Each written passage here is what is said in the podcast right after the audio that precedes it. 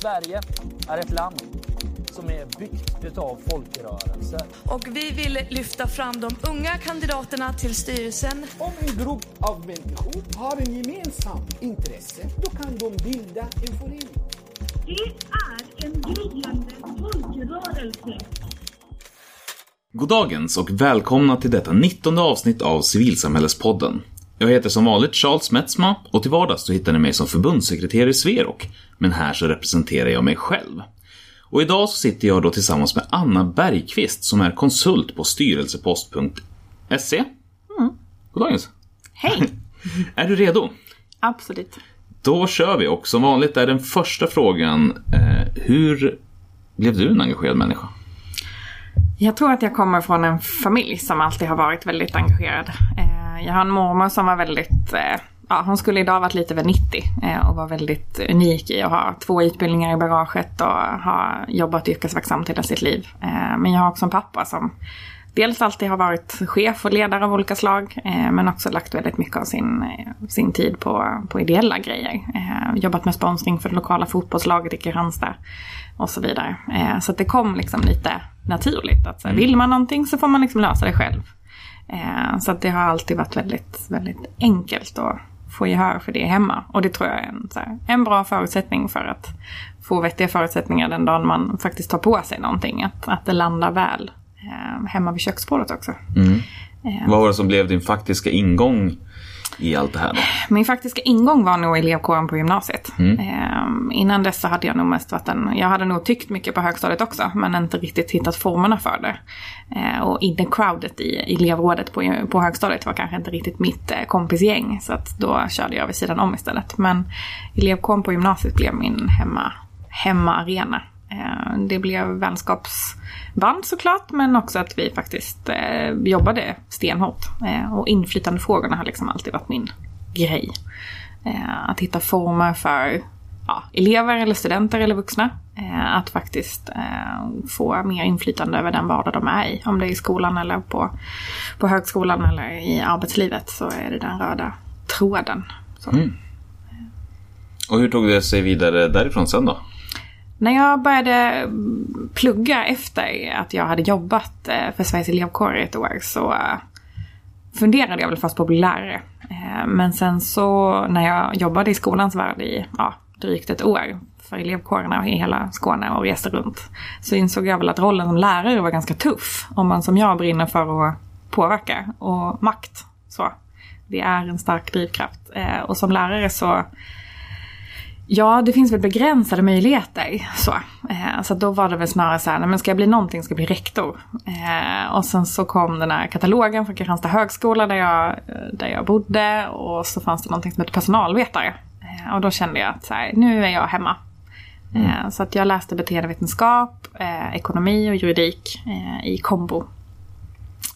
Och när jag väl började plugga så kände jag att nej men då nu ska jag faktiskt läsa, jag ska läsa böckerna från perm till perm, jag ska klara alla tentor, jag ska ligga i fas, jag ska inte liksom sväva ut en massa som jag hade gjort hela gymnasiet. Eh, Men första dagen så presenterade vi oss i klassen, vi var 40 stycken ungefär. Eh, så fick man berätta lite vad man hade gjort innan. Eh, och sen efter det momentet så skulle vi välja en klassrepresentant. Eh, och då tittade ju alla på mig. För det var såhär, åh, nej men det här känns ju som så här, typ ditt jobb. Eh, och då var jag lite så här, ja, men det kan jag väl göra. Eh, och sen blev jag ganska kort efter det invald i, i styrelsen för min ekonom och personalvetarförening lokalt. Eh, och sen så vart jag ordförande för den eh, mitt andra år. Eh, och la väl ungefär 30-40% av min tid på, på det under tiden jag pluggade. Eh, men det var också det som lärde mig mest. Eh, personalvetarprogrammet i all ära. Eh, kunskapen är superviktig. Men om man inte har några pusselbitar att stoppa in den i. Alltså om man läser 15 poäng ledarskap på universitetet så ja, led en styrelse med 17 pers så får du liksom får du veta hur det funkar. Så. Det är ju en, en helt annan sak att läsa om eller faktiskt försöka utföra i praktiken. Absolut, absolut. Och ekonomi också. Alltså vi pratade ju, läste ju mycket så ekonomistyrning och hur man kunde liksom, ja, mäta effekt och, och sådana saker. Eh, och det är ju superviktigt i ideell verksamhet också. Eh, särskilt när jag då ledde en styrelse med hälften ekonomer så blev det liksom så här som beteendevetare så behöver du också kunna en del annars så, så blir du bort, bort och dribblad ganska snabbt. Men var det ja, det är ett sidospår, men blev det liksom mycket tonvikt på, på sådana frågor då istället för andra eller? Alltså jag tror att om man sitter i en ekonomförening med bara ekonomer så pratar man fruktansvärt mycket mer budget än verksamhet stundtals. Mm. Eh, det var väl det mest slående när jag tog nästa steg eh, och varit ordförande för paraplyorganisationen för ekonomföreningarna på lärosätena eh, som heter SEO, Sveriges ekonomföreningars riksorganisation. Som jag jobbade heltid med 2010-2011. Och där var ju vi ibland den udda fågeln när man träffade andra ungdomsorganisationer. För att jag glömmer aldrig mitt så första årsmöte med, med LSU där man säger nu ska vi anta budget. Och det är liksom fyra poster. Det är typ så här, verksamhet, personal, projekt, övrigt. Eh, och budgeten är typ tre gånger så stor som Zeros. Men Zeros budget hade typ 48 poster. Det var liksom ner på så här kopieringspapper, så här mycket ska telefoner kosta, så här mycket lägger vi på resor. Det var liksom en extrem detaljnivå. Eh, Så det är klart att, att det blir färgat av de personerna som sitter i styrelsen. Så. Och ekonomer i en ideell förening är en, eh, en utmaning. Så, kan Men jag antar att det inte var säga. särskilt svårt att hitta någon som vill vara kassör. Nej, det är ju däremot lättare. Ja. Absolut. Eh, för det blir liksom en direkt arbetslivserfarenhet för de som vill jobba med redovisning så är det ju en perfect match. Så. Eh, och många av dem blir också så extremt heta på arbetsmarknaden sen. Eh, för alla de stora revisionsbolagen eh, jobbar ju med ideell sektor av något slag. Eh, och de har ju ännu svårare att rekrytera bra folk. Som faktiskt förstår ideell verksamhet. Som kommer ut på som kommer ut till Svenska kyrkan och ska göra bokslutet liksom. Och, och faktiskt begriper så här, hur sätts de här besluten, var kommer de ifrån, vad ska jag fråga efter för underlag och så här. Det är inte samma sak som ett aktiebolag. Nej, hela den logiken är helt annorlunda. Ja, och människorna som jobbar där och kulturen och ja, saker kan kännas så här, det här är väldigt ologiskt. Och det är det. Så. För att det är en annan logik. Eh, så så att, att vara ordförande för en styrelse, dels som, som personalvetare, så, eh, med bara ekonomer och företräda ekonomer, eh, var väldigt, väldigt nyttigt. Mm. Eh, och sen efter mina år på, på Zero så var det ju på något sätt dags att skaffa sig ett jobb. Och då vart jag kvar i Stockholm. Eh, och det var då Styrelsepost fick sitt eh, embryot till Styrelsepost startades eh, 2012. Eh, för då kände jag att jag, när man lämnar ett heltidsarvoderat uppdrag så, så blir det också väldigt mycket av ens identitet. Och, och vad, ska man, vad ska man göra sen? Eh, kan jag jobba på ett vanligt jobb 8 till, 8 till 16 och sen gå hem och, och vara någonting annat? Så.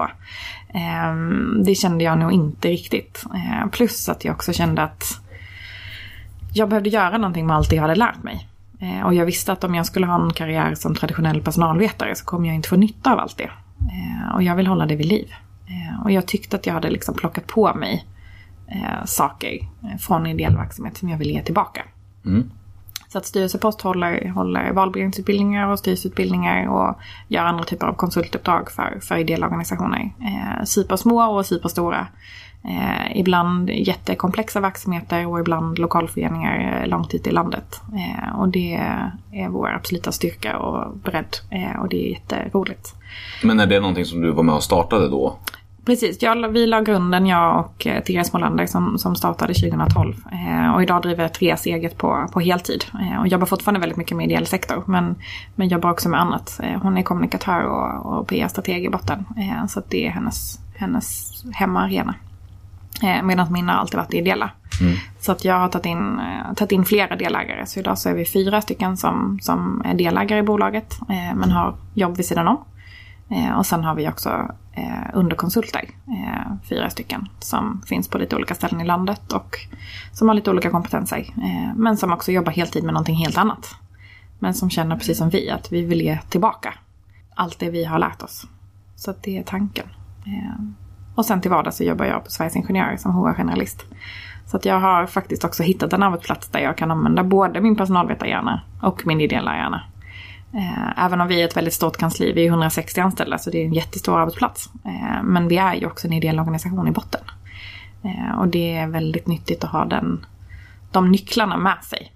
För väldigt många saker blir väldigt ologiskt och kanske men så man kan tycka att det kanske är oprofessionellt om man bara kommer från den privata sektorn. Eller så här, varför gör vi på det här viset? Eller varför tar det så lång tid? Eller varför måste den här vara med och tycka om det här? Eller men herregud, måste det på årsmötet? Så bara, ja, jo men hos oss har det alltid varit så liksom. Eh, vi har också fortfarande årsmöte varje år, eh, vilket är ganska unikt för en så stor organisation. Men eh, så att jag får, får utspel av båda, båda mina delar. Men jag tänker också att, att generellt sett de flesta situationer som man bör hantera, alltså eh, som personalhanterare, att den typen av, ska jag formulera det? Att själva liksom, ärendena som man hanterar också är liksom ganska annorlunda mot till exempel i ett bolag eftersom att det är en annan typ av människor som söker sig till den arbetsplatsen med en annan motivation kanske än i de flesta aktiebolag. Eller?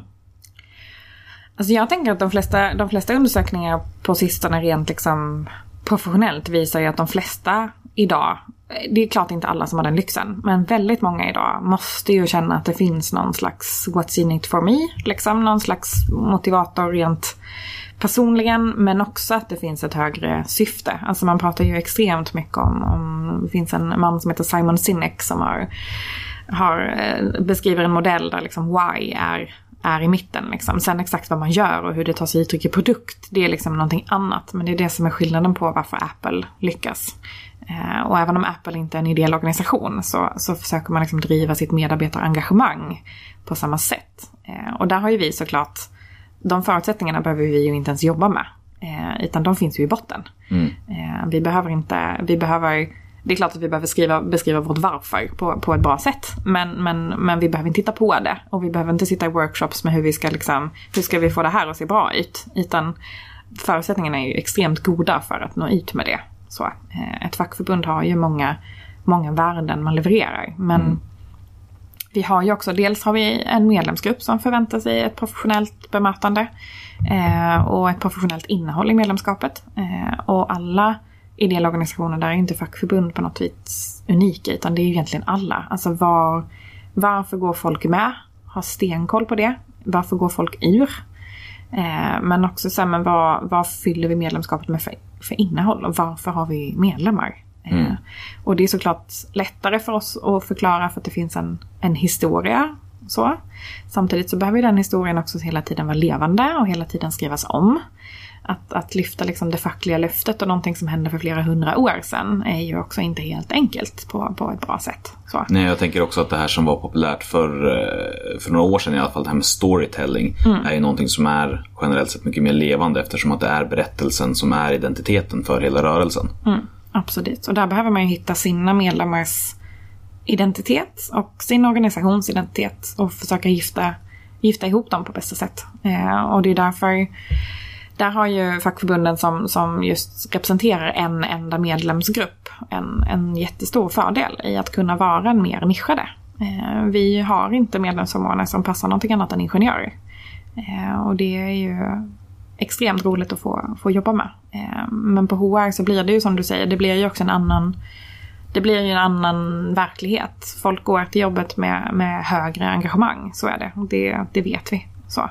Och det behöver man ju också hantera. Eh, för det är inte bara ungdomsrörelsen som har, som har utmaningar med att, att hitta en, en rimlig nivå. Eh, jag brukade alltid säga när jag var heltidsarvoderad på Zero att jag var alltidsarvoderad. arvoderad. inte för att jag kanske jobbade alltid, men man var ju alltid en representant för organisationen. och det tror jag att även om man jobbar som förbundsjurist på, på Sveriges Ingenjörer och, och hjälper våra medlemmar i Arbetsdomstolen så tror jag ändå att man identifierar sig mer med oss än vad man gör om man jobbar på Ericsson som jurist.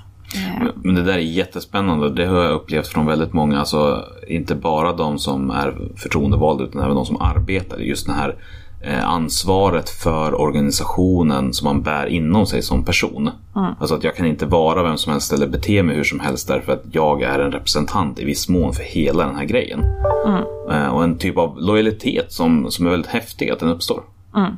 Absolut, och där där är vi så pass stora att vi har ju, vad ska man säga, vi har ju medarbetare som jobbar väldigt nära de förtroendevalda och sen har vi medarbetare som jobbar i flera steg bakom. Eh, och jag på HR jobbar ju väldigt många steg bakom medlemmarna.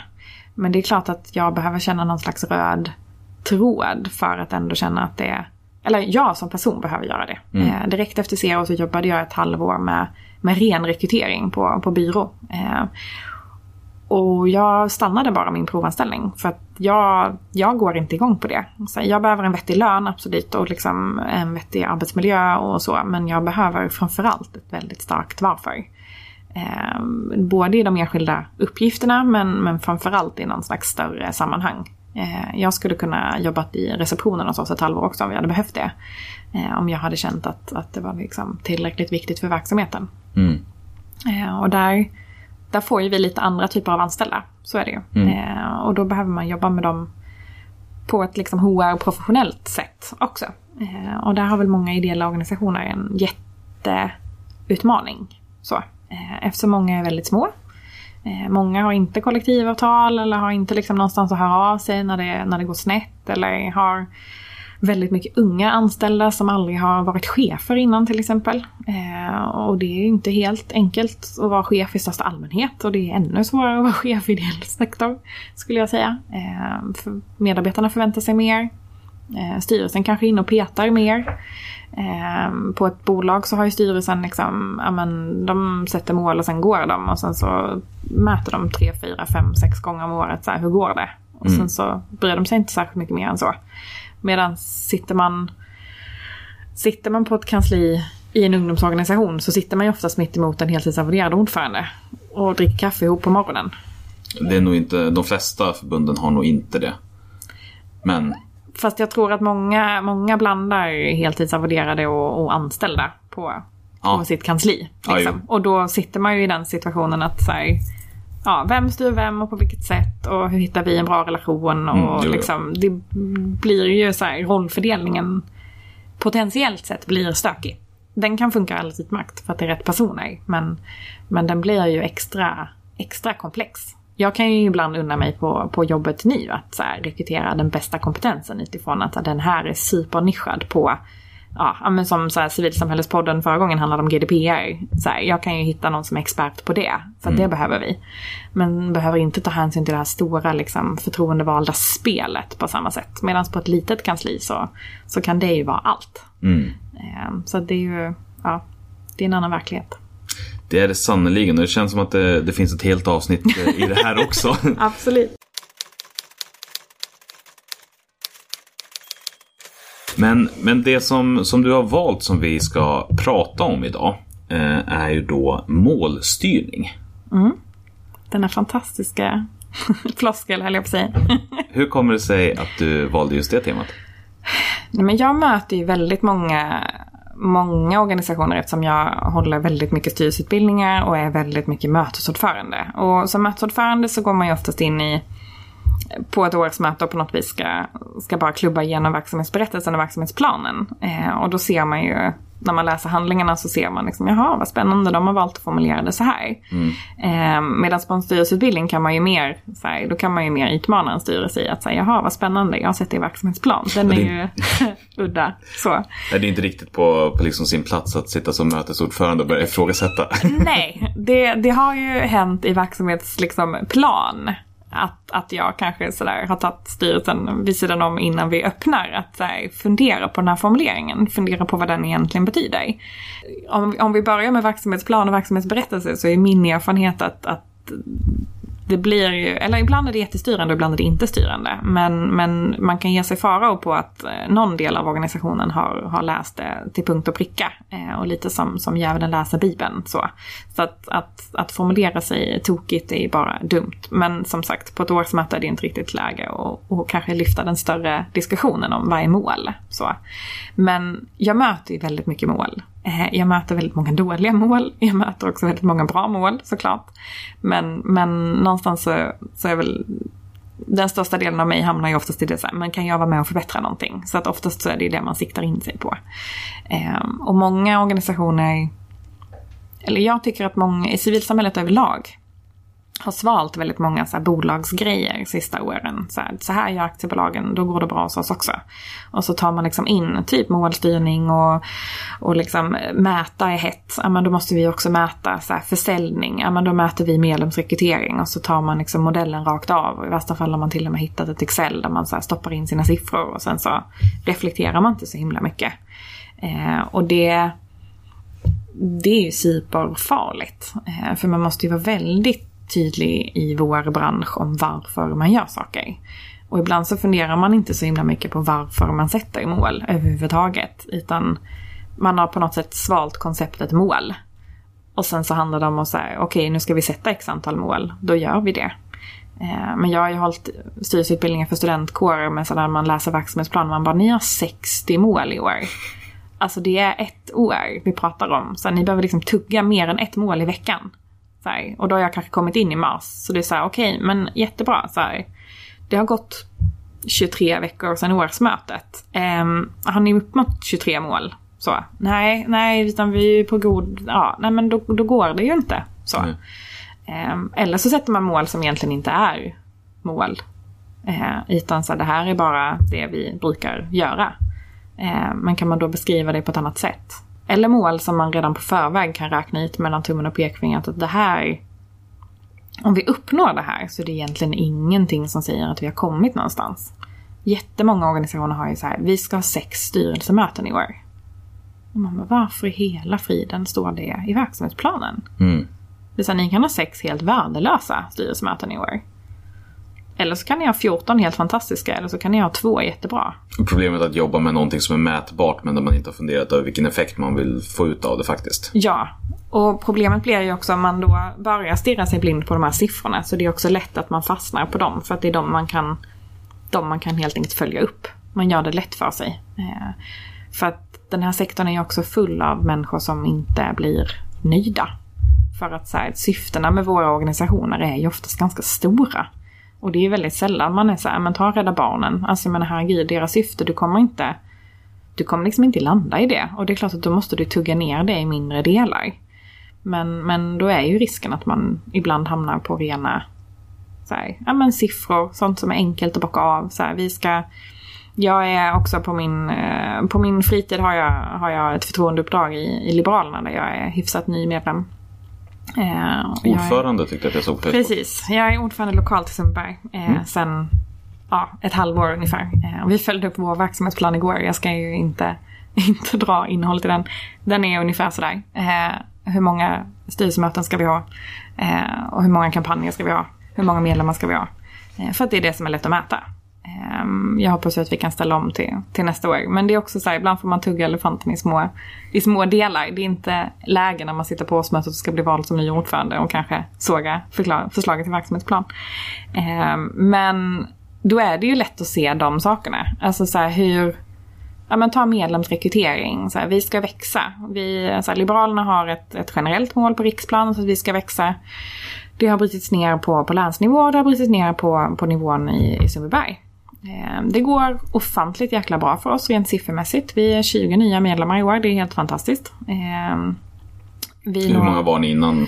Får Ehm, ja, vi, vårt mål är 100 i år. Ja. Ehm, Ja men då är det 20 många. Ja, så då är 20 många.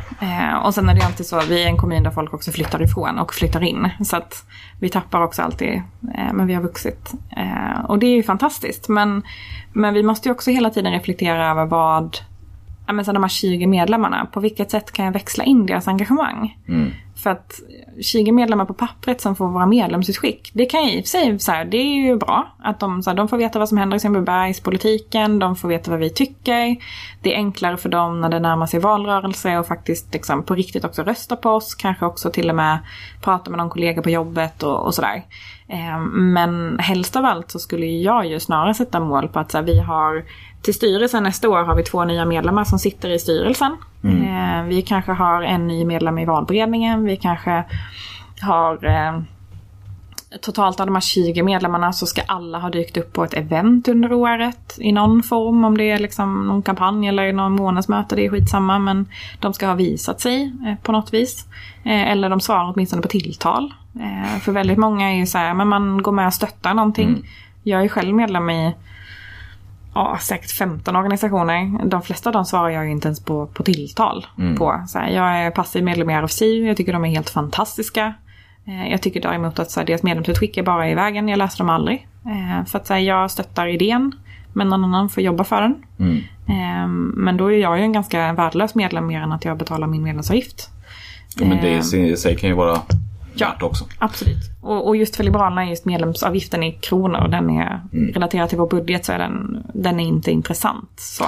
Men, men det där är faktiskt ganska spännande för jag brukar oftast eh, när jag är ute liksom driva tesen lite halvprovocerande utifrån perspektivet att det är superlätt att rekrytera människor. Eh, men det är svårt att eh, engagera dem. Absolut. Och ofta så fastnar folk i liksom bara rekryterandet, alltså namnet på pappret och sen så glömmer man bort att det inte var det man ville uppnå i slutändan. Nej, inom, inom HR så brukar man liksom lägga upp vad ska man säga, rekrytering av en ny medarbetare som egentligen inte skiljer sig sådär jättemycket. Så handlar det ju först om att på något sätt skapa någon slags attraktion kring så här, vad, vad förknippar man med oss som varumärke? Kan man liksom tänka sig att skriva, skriva på på något vis? Så, att skapa någon slags kännedom. Eh, för att sen gå in i en aktiv rekryteringsfas, alltså faktiskt skriva på någonting. Om det är medlemskap eller det är ett nytt jobb. Eh, men sen också behålla. Alltså att se till att så här, du faktiskt levererar på jobbet eller i ditt engagemang eh, på det sättet som du vill. Eh, och en medlem kan ju vilja, som jag i RFC, min leverans är att jag fortsätter betala. Eh, och att jag kanske stundtals så retweetar någonting på Twitter. kanske eventuellt i något sammanhang lyfter att jag är medlem eh, och säger att de gör bra saker. Eh, och sen den sista som är liksom avveckla. Alltså att när det är dags att gå vidare. Eh, och det kan ju vara på förtroendeposter till exempel. Eh, där det finns inlåsningseffekter. Eh, vi jobbar ju en del med inte styrelsepost, men vi har en, ett annat varumärke som heter Styrelsehjälpen där vi jobbar med bostadsrättsföreningar. Eh, det är en väldigt intressant sektor, kan man väl lugnt säga. Eh, hälften av deras styrelser sitter ju där för att de blev valda en gång i tiden. Eh, och de blir ju omvalda för att så här, valberedning frågar ju inte ens. Utan så, här, så länge de är tysta så utgår man från att så här, det är pepp att sitta kvar, gud vad skönt, så slipper vi det. Eh, men det där sista avveckla är ju också superviktigt. Att så, när är det dags att när är det dags att gå vidare från elevrörelsen? Eller när är det dags att, att liksom ta nästa steg eh, i sitt engagemang? Så här, man kanske inte... Alla ska inte växla upp sitt engagemang och sitta i distriktsstyrelsen och sen sitta i den nationella styrelsen som sitter lokalt. Utan de kanske ska hitta en annan lokalförening eller ett annat typ av engagemang.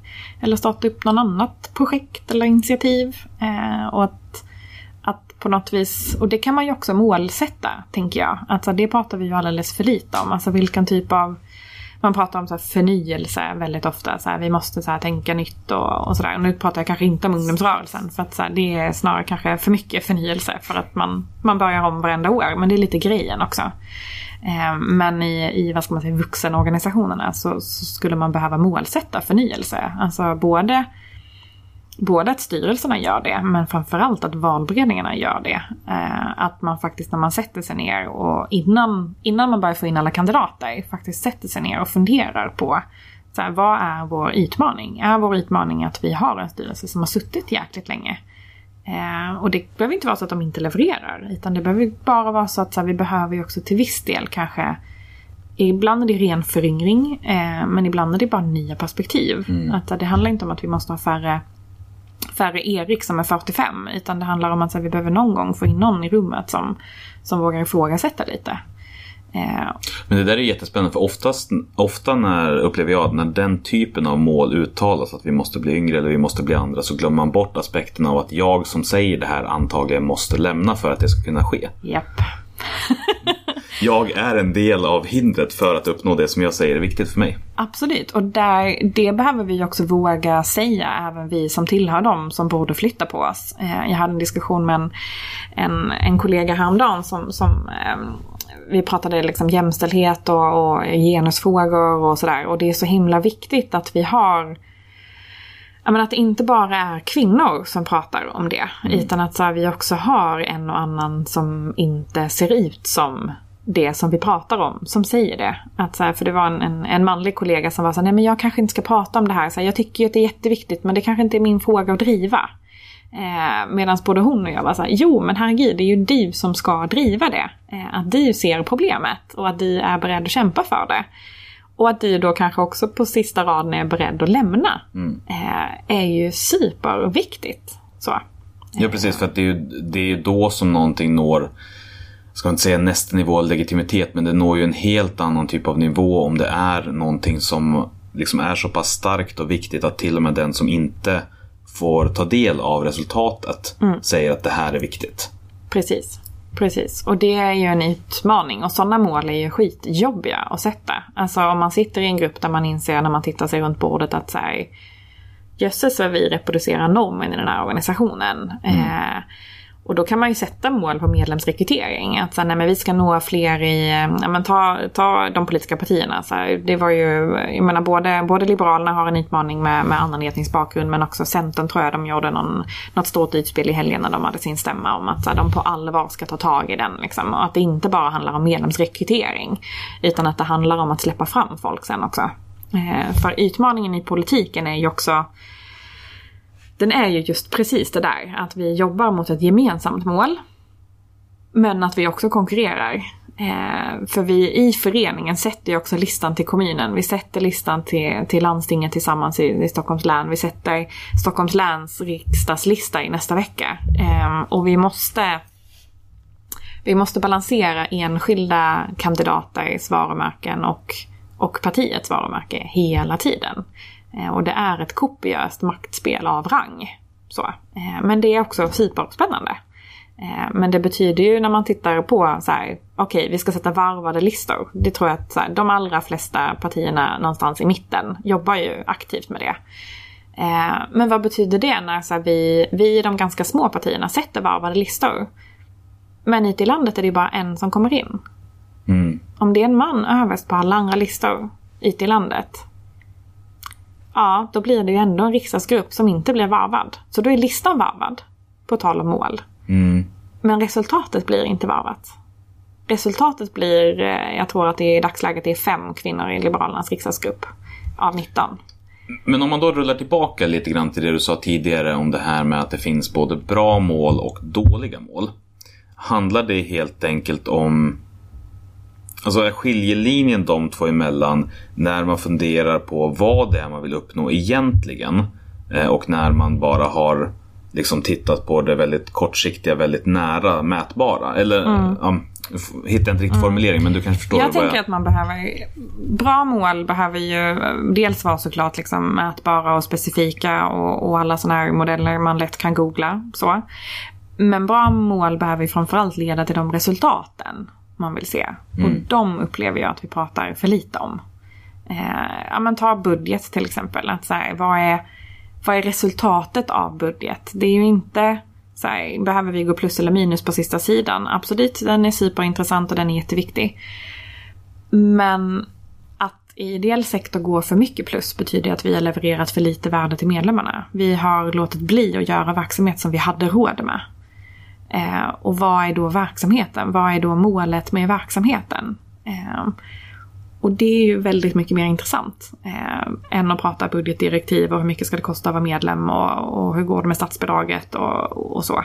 Att ha klart för sig vilken del i verksamheten är vår kärnverksamhet och den som medlemmarna uppskattar allra mest. Eh, och låta den sätta budget. Eh, och sen pusslar vi in resten. Eh, vad, är liksom vår, vad är de 50 procenten som vi alltid är och är vår identitet? Det vi aldrig har råd att, att göra av med. Eh, istället för att börja så här, kolla på utfallet från föregående år och sen så konstatera att telefonen är lite dyrare i år så att vi lägger lite mer pengar där. Eh, konferenserna kanske blir lite dyrare eller den här medlemsaktiviteten kostar lite mer eller ja. Det är lätt att hamna i de detaljerna ganska snabbt. Att inte se det som det politiska verktyg som det är. Nej, precis. De organisationer som jag tycker lyckas bäst med budget är ju de som lägger verksamhetsplan och budget i ett dokument. Alltså man, man beskriver verksamheten i en, en del av verksamheten och sen så avslutar man den med avsnittet budget för den verksamheten. Eh, och sen på nästa sida så finns det text och så finns det siffror. Eh, och att man tydligt kopplar pengar med verksamhet. Eh, för det är ju det viktigaste. Dels är pengar ett väldigt viktigt styrmedel men sen är också tid ett väldigt viktigt styrmedel. Mm. Alltså hur många procent tar det här? Eh, jag träffade en projektledare för en, för en arbetsmarknadsdag ute på en, en eh, ett eh, ingenjörslärosäte häromdagen som var så himla klok. För jag frågade lite så här, men du är heltidsarvoderad, det här är liksom ditt första, första heltidsideella uppdrag. Så hur tänker du kring liksom, din tid och hållbart engagemang och på sikt hur ska du hålla och sådär. För jag vet ju hur svårt och tufft det är. Eh, och då så sa hon att nej, men jag budgeterar 50% av min tid bara till att finnas till. Eh, och 50% går till så möten och saker jag planerar att jag ska göra. Men jag är fullt medveten om att 50% i min kalender måste vara luft utifrån att så här, shit happens. Så. Samarbetspartners ringer och är förbannade. Någon i styrgruppen eller i projektgruppen eh, klappar ihop eller jag måste hantera någonting eller lärosätet ballar ur eller någonting händer. Eh, och det måste finnas luft i min kalender för det. Eh, så det hade hon lagt in först. Eh, rent fysiskt blockat tid eh, i en färg i kalendern. Eh, och sen stoppade hon in möten. Och det är ju ett alldeles ypperligt sätt att jobba med liksom, mål för sin egen del. Att faktiskt fatta det väldigt, väldigt tidigt. Men det där är jättespännande för jag har jobbat lite liknande i, i min roll. Fast jag har formulerat lite annorlunda och det, jag har liksom avsatt eh, 30% ungefär av min tid till att jag är kulturbärare. Alltså, Ja, ju... Mm. Så att det är i princip samma sak fast eh, mer inåtblickande ändå. Mm, absolut, och jag tänker att, att, att, att språket är ganska typiskt för en kanske ingenjörsstudent kontra, kontra Sverok. Ja. Eh, för kultur är en annan sak som, som man väldigt sällan ser mål på.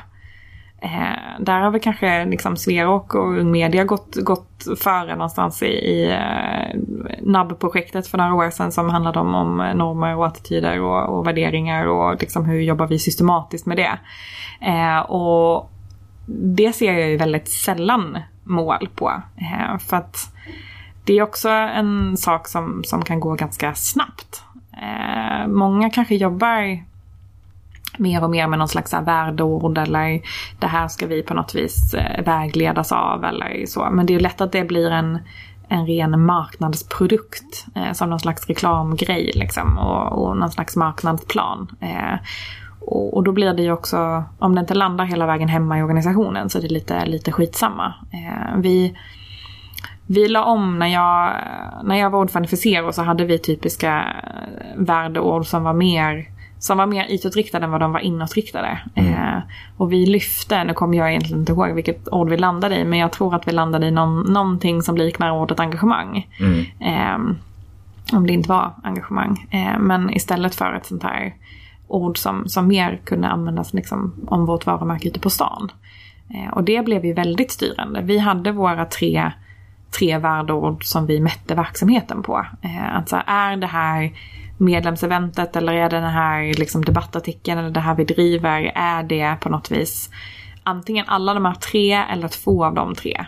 Eh, och är det inte två av de tre så ska vi liksom verkligen starkt ifrågasätta att det överhuvudtaget äger rum. Eh, och så fort någonting tappar sin ja, men tappar sin koppling till, till syftet med organisationen eller, eller de lite mer högre målen än att vi ska genomföra det här i år. Så, så bör man ju fundera på så här, när, är det, när är det över? Eh, när jag pluggade så hade studentkåren det var någon slags sittning på hösten om det var en kräftskiva tror jag. Eh, och den fyllde säkert sin funktion när den var, var bra. Men, men det var en sån här sak man ärvde från år till år. Så det var så här, nej men vi har kräftskiva på hösten. Det har vi alltid gjort och så fortsätter vi med det. Och sista kräftskivan tror jag de var så här 15 sittande på. Eh, och då är det så här, ja men då har de ju fortfarande gjort sin kräftskiva. Ja. Men, men vad levererade den i, i innehåll? Om det, var en så här, om det var sociala aktiviteter som behövdes så behöver man ju också fundera på så här, gör vi bara det vi brukar göra? Eh, och det har funkat. Eller vågar vi testa lite? så här. Och det var ju säkert inte kräftskivan det var fel på. Så, men, men, Nej, men bara, någonstans. bara, att, nej, men bara att inte ha vetskapen om varför man gör ett event kommer ju också att återspeglas i eventet. För att om du vet att det är Absolut. event du gör för till exempel att skapa samhörighet i hela föreningen. Mm. I så fall är du inte glad för att du har genomfört en kräftskiva där det kom 15 personer. För då har du inte nått föreningen. Nej. Men om du gör en kräftskiva för att du ska göra en kräftskiva, ja men då är du ju nöjd. Ja men precis, och vad vill du ha för...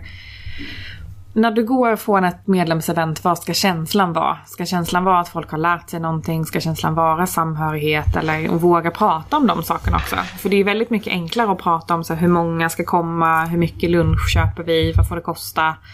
Så här, vi målet med en gästföreläsning på ett universitet till exempel. Att så här, nej men om det kommer någon så är det 50 personer som kommer, då är vi nöjda. Eh, och det kan ju vara en, en indikator på att vi har valt rätt ämne eller sådär. Men, men att våga beskriva också lite så här, men vad ska känslan i rummet vara? Och det kanske inte går att mäta i verksamhetsberättelsen sen.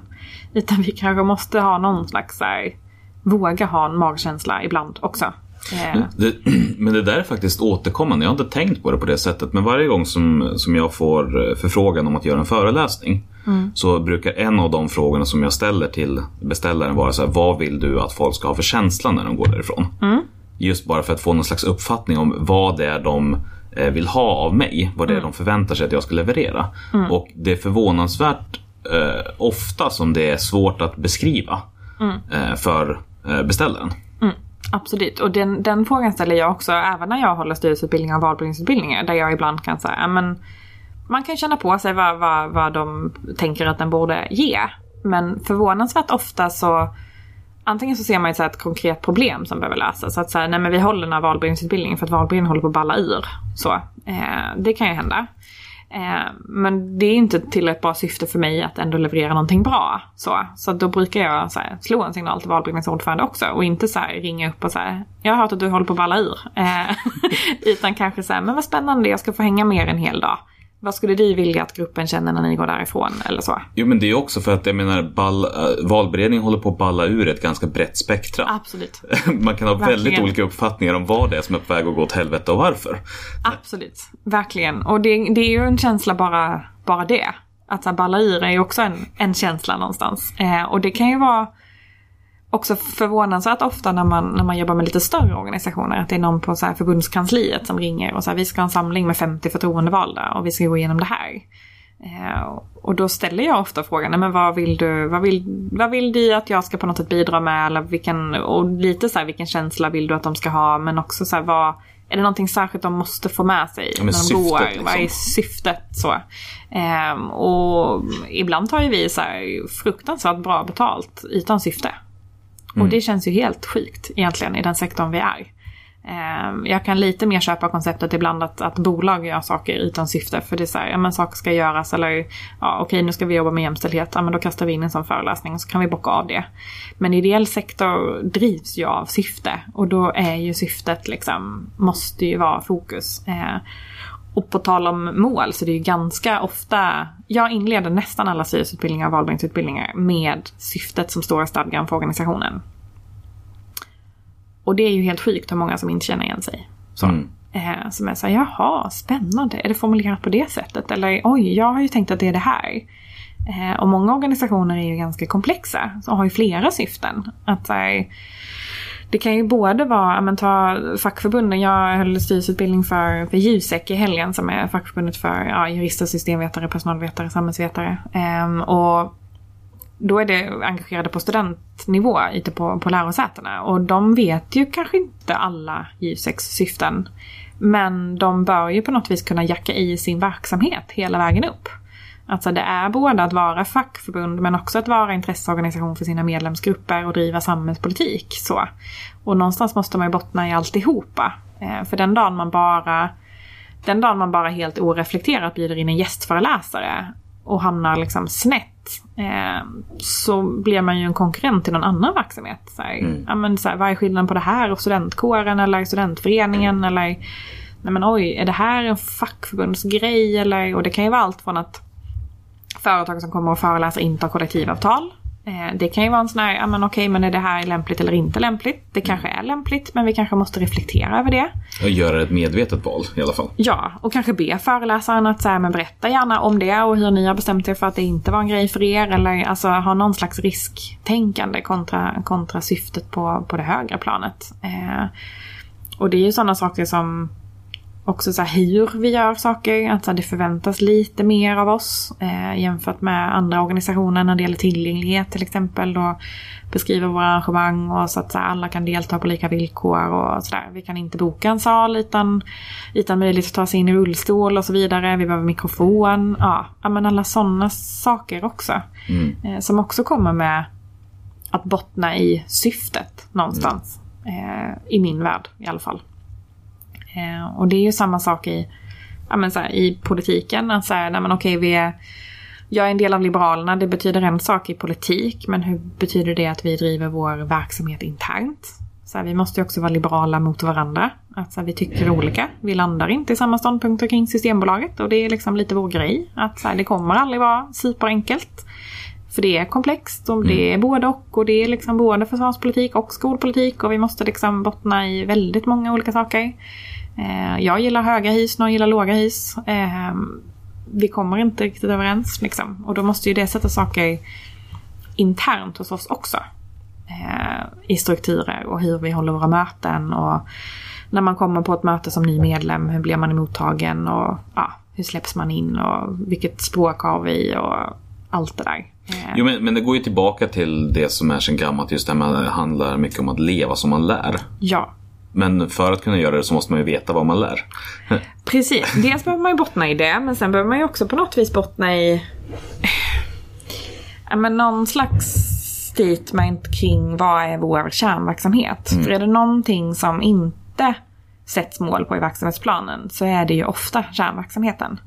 Eh, Jag kommer ihåg när jag läste Zeros verksamhetsplan, inte den som var liksom den jag skrev utan den som, som jag liksom fick ärva när jag blev vald. Eh, och när jag läste den så kommer jag fortfarande ihåg att jag slog så himla mycket av att det saknades så mycket som jag som medlem längre ner i organisationen tyckte var så här, det här är ju 80% av det vi gör. Eh, det som målsattes var de där 20 procenten som liksom var på så här strategisk nivå. Så här, vi ska driva den här utbildningspolitiken eller vi ska träffa så här många politiker. Eller... Och jag tyckte liksom att så här, men det här är ju jättelångt ifrån den bilden som medlemmarna har av vad vi är. Eh, vi är framförallt en mötesplats för engagerade ekonomstudenter. Sen om vi så lyckas påverka rikspolitiken ska vi bara vara fruktansvärt jäkla glada. Liksom. Men, men det kommer inte, det är ju ett det levererar ju en typ av värde och en del i varumärket. Men det fick så ohemult mycket plats eh, i målsättningarna. Jo, men, men det blir ju... Lite så kan det ju bli därför att det är ganska skönt och tryggt att landa i att men, vi vet hur vi gör vår grundverksamhet. Särskilt om det är en organisation som har funnits längre. Och då blir den på något sätt så pass självklar i sig själv att den slutar ifrågasättas och när den till slut bara rullar på då behövs den ju inte ens specificeras för den alla vet ju hur den går till och sen har det liksom stegvis flyttat dig bort. Spännande. Och till viss del så tror jag att många famlar lite på, på vägen. Alltså man inleder inte ens året med att prata om vad är liksom business as usual. Så. Och det ser man inte ens. Ehm, ja, det första jag gjorde var ju att skriva väldigt mycket mer tydliga texter kring för i Zero är liksom konferensverksamheten väldigt viktig. Vi ses fyra gånger om året med, med ekonomstudenter från hela landet. De åker typ tio från varje lärosäte. Eh, så man blir liksom en 200-300 som, som ses någonstans i landet och pratar om aktuella frågor. Och både nätverka mellan föreningarna men också få liksom extern input av, av olika slag. Eh, och den delen lyfter vi markant. Eh, för att det är ju det, det är ju faktiskt det vi gör. Alltså resten är lite så på marginalen. Skulle jag behöva ta väck någonting så är det aldrig det. Eh, och då måste ju det synas. Eh, för annars blir det ju helt så här, världsbilden om, om man får fatt i vår verksamhetsplan skulle den ju varit helt fel. Eh, och då gör det ju också att den kan bli Kärnverksamheten kan ju också bli ifrågasatt om vi inte pratar om den. För att så här, man pluggar tre år på högskolan. Det går jäkligt snabbt. Eh, Zero har... Jag satt två år som ordförande. Det är en människa innan mig som har suttit mer än två år. Eh, alla har suttit ett år. Eh, eller suttit ett år på en post och sen gått upp till en annan och sen eventuellt gått vidare. Men att man sitter tre år är liksom helt... Det är fruktansvärt ovanligt. Eh, så att på, och på lokal nivå går det ännu fortare. Eh, så att varenda, varenda liksom årsskifte så får man ju räkna med att det första årsmötet då är det liksom minst 70% nya på plats. Eh, och pratar man då bara om de nya grejerna vi ska göra så är risken att man glömmer några av de gamla. Eh, och det kan ju vara ett medvetet val. Eh, för man kan ju också starta och döda traditioner ganska snabbt. Och det är ju bra, men det måste ju vara medvetet. Eh, det räcker ju att en generation glömmer någonting. Och så är det ju bara inte så länge. Nej. Eh, Och det kan ju vara helt fantastiskt, för ibland glömmer de ju bra saker. Så att Ja. så här, nej men det här, vi ska bara inte göra det här längre. Och jag är jätteglad att ni har glömt bort att vi gjorde det för tre år sedan. För att, ja, det var ett hack i protokollet. Men, men ibland glömmer man ju saker som så här, men det här var ju för fan det viktigaste vi gjorde. Så. Eh, jag sitter fortfarande kvar i Zeros advisory board eh, som ses två gånger om året och försöker kräka i sig kloka saker. Eh, vi är några som är engagerade i närtid men vi har också de som var förtroendevalda för ja, 20-25 år sedan. Eh, och de, det är en helt annan organisation i men den är 36 eller 37 år gammal i år. Men det är ändå roligt att höra hur vissa grejer ändå är samma. Eh, och att, så här, att lära sig av sina misstag har alltid varit en så här, jättestark kulturbärare i den organisationen. Att så här, vi, vi skriver planer, vi skriver projektplaner och, och styrdokument och checklistor och sådär. Men folk måste få testa själva och måste få misslyckas. Och måste få lyckas själva. Eh, för man tar också väck engagemanget ganska mycket genom att boxa in för mycket. Eh, och det är väl det som, som blir så roligt när man ser de här verksamhetsplanerna med med så många mål att man säger, men vad ska styrelsen egentligen leverera? De ska liksom börja pricka av de här i Excel.